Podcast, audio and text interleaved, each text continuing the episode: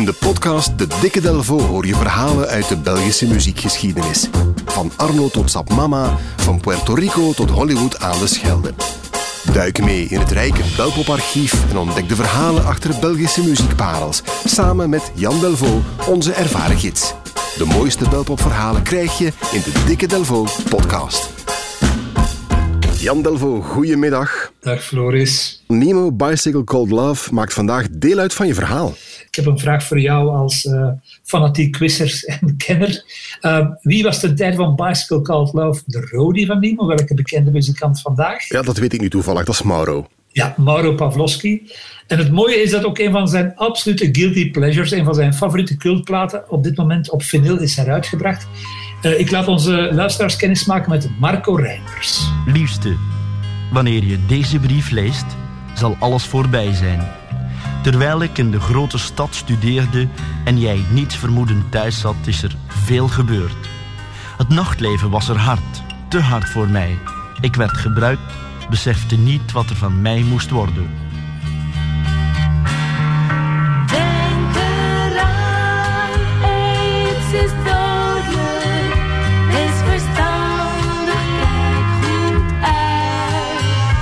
Dank aan Jan vandaag en bij uitbreiding met dank aan Mauro, die het zijn guilty pleasure noemt. Marco Reiners, liefste, ik heb AIDS. Ja, Mauro Pavlovski noemt dit het nummer dat alle miserie overtreft. Het is een soort van zelfmoordbrief op vinyl. Ook Jan de Smet hè, van, eh, van de Nieuwe Snaar, Kim Duchateau, de tekenaar, zijn grote fans. Dit is, ja, dit is eh, top 10 in, in, van, de Belgische cultplaten ever. Marco Reiners, zei je, hè? Marco Reinders, ja, dat is Mark Heilen, heet, heet die man, want zo wordt hij niet geboren, denk ik, met zo'n naam.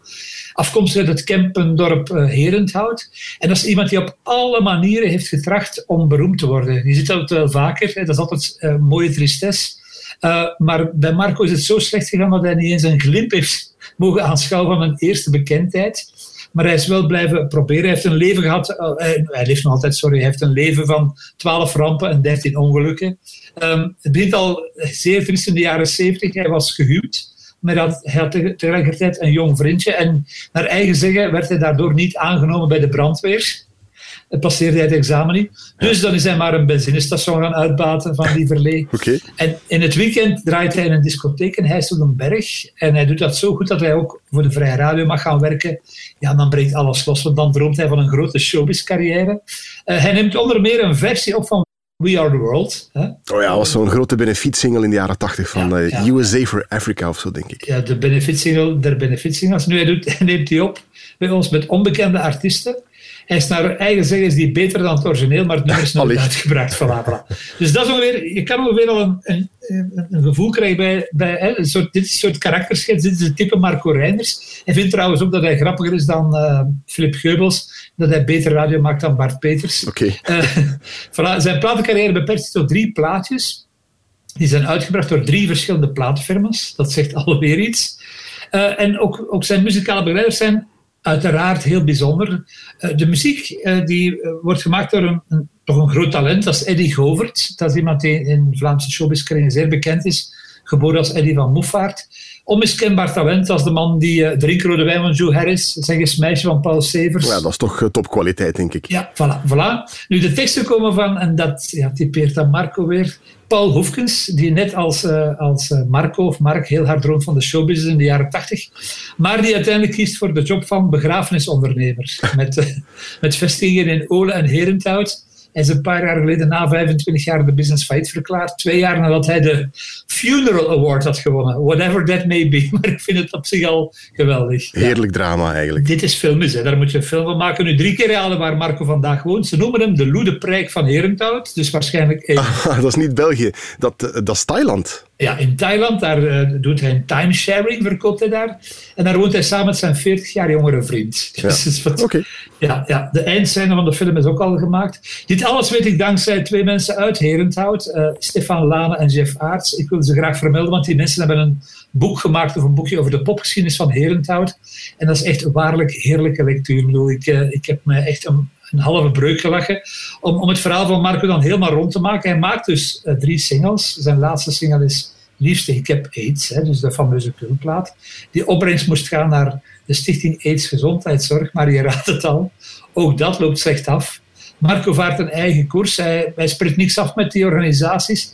En hij haalt een aantal organisaties door elkaar op de hoes. Dus het is totaal onduidelijk of dat nummer Ja. ooit iets heeft opgebracht. Echt fantastisch verhaal. Echt een Vlaams, een Vlaams filmpje, hè, ten voeten uit. Het nummer is nog te vinden op single, maar omdat het zo'n cultstatus heeft verworven, moet je toch wel gauw 20 euro betalen. Eh, in, in geen enkele cremewinkel gaat het nog hebben. Maar het staat nu gelukkig voor veel minder geld op een compilatie van stoffige vingers. Dat is dat eh, Antwerpse label, hè? Ja, daar hebben we het al eens over gehad toen met eh Stafke Fabri, Smoortan. Ja, dat is een paar weken geleden, enfin, een paar maanden geleden hebben we het erover gehad. Ja, ja geweldig, geweldig regienummer. Ja, deze keer hebben ze een 10-inch, dat is zo'n tussenformaat tussen een single en een album, uitgebracht. Met eh, een Belgische en een Nederlandse kant. Eh, op elke kant staan drie nummers. Aan de Belgische kant moet je zeker ook nog eens draaien. Dat is goed om te weten van Annemie Giels. Dat is eigenlijk een, een vertaling van Smooth Operator van Sade. Ah, ja. Er staat ook een, eh, een geweldig nummer op van Joske Harris. Dat is Joe, Harri- Joe Harris. Die is begonnen als rocker. En die heeft een paar nummers. Ja, Louis Loai en ook Breek het Kot af zijn ook zo van die geweldige oer-rockers eigenlijk. En als derde nummer op, op, eh, op de Belgische kant, liefst ik heb iets van Marco Reinders. Dat trouwens oorspronkelijk is uitgebracht op eh, een al even wonderlijk label, Scorpion Records uit Dendermonde. Oh, dat ken ik, ja. Ja? Ah, ja. dat is een plaatsfirma die denk ik eigenlijk bijna niks heeft uitgebracht eh, wat, wat de tand destijds zal doorstaan. Maar ik heb een Dendermonds vrije radio verleden, hè Jan? Ja, daar gaan we weer. Maar ken je dan Rudy Sylvester en Monja? Dat zijn echt Uiteraard. Dat eh, stond daar in hoge rotatie, ja. ja, zeer, zeer zo, eh, gezochte dingen. Dus als we binnen 50 jaar terugkijken op de late 20e en begin 21e eeuw, dan gaat Scorpion Records een van de meest waardevolle labels zijn, denk ik, van allemaal. Voilà. Eindelijk terug op betaalbaar vinyl. En als je de originele nog hebt op single, hou hem goed bij, want die is meer dan 20 euro waard intussen. Liefste, ik heb aids. Jan, tot de volgende keer. Liefste, wanneer je deze brief leest, zal alles voorbij zijn. Terwijl ik in de grote stad studeerde en jij niets vermoedend thuis zat, is er veel gebeurd. Het nachtleven was er hard, te hard voor mij. Ik werd gebruikt, besefte niet wat er van mij moest worden.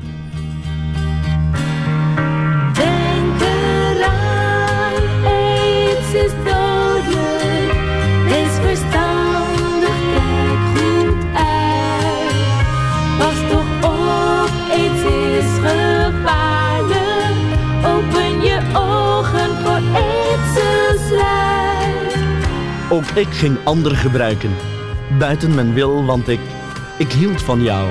En ik hou nog steeds zielsveel van je, alhoewel het daarvoor nu te laat zal zijn. Na onze laatste ontmoeting ben ik ziek geworden, ernstig ziek. Mijn lichaam begon zich langzaam maar zeker af te bouwen. Ik had geen weerstand meer, tegen niets of tegen niemand. De dokter stelde na lang onderzoek de volgende diagnose seropositief. Mijn lichaam was nu totaal verzwakt. Ik was de instorting nabij. Het ging van erg naar erger. De artsen gaven alle hoop op. Het was aids. Denk eraan, aids is dodelijk. Wees verstandig, kijk goed uit. Pas op,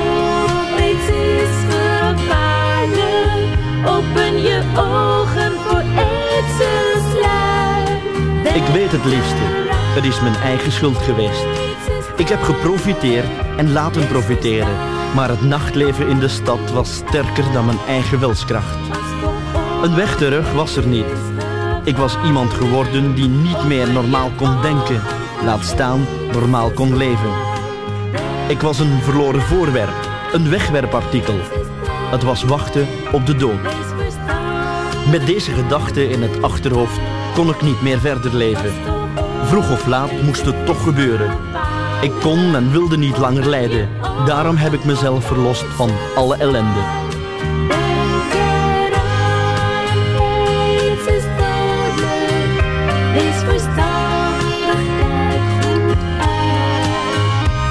Voor jou, mijn liefste, moet het een zware, moeilijk te verwerken klap zijn. Maar vergeet niet dat ik altijd van je heb gehouden.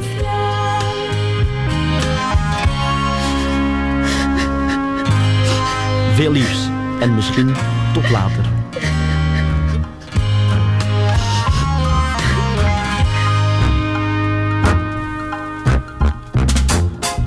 Check zeker ook de andere Belpop-verhalen in een volgende aflevering van de Dikke Delvo.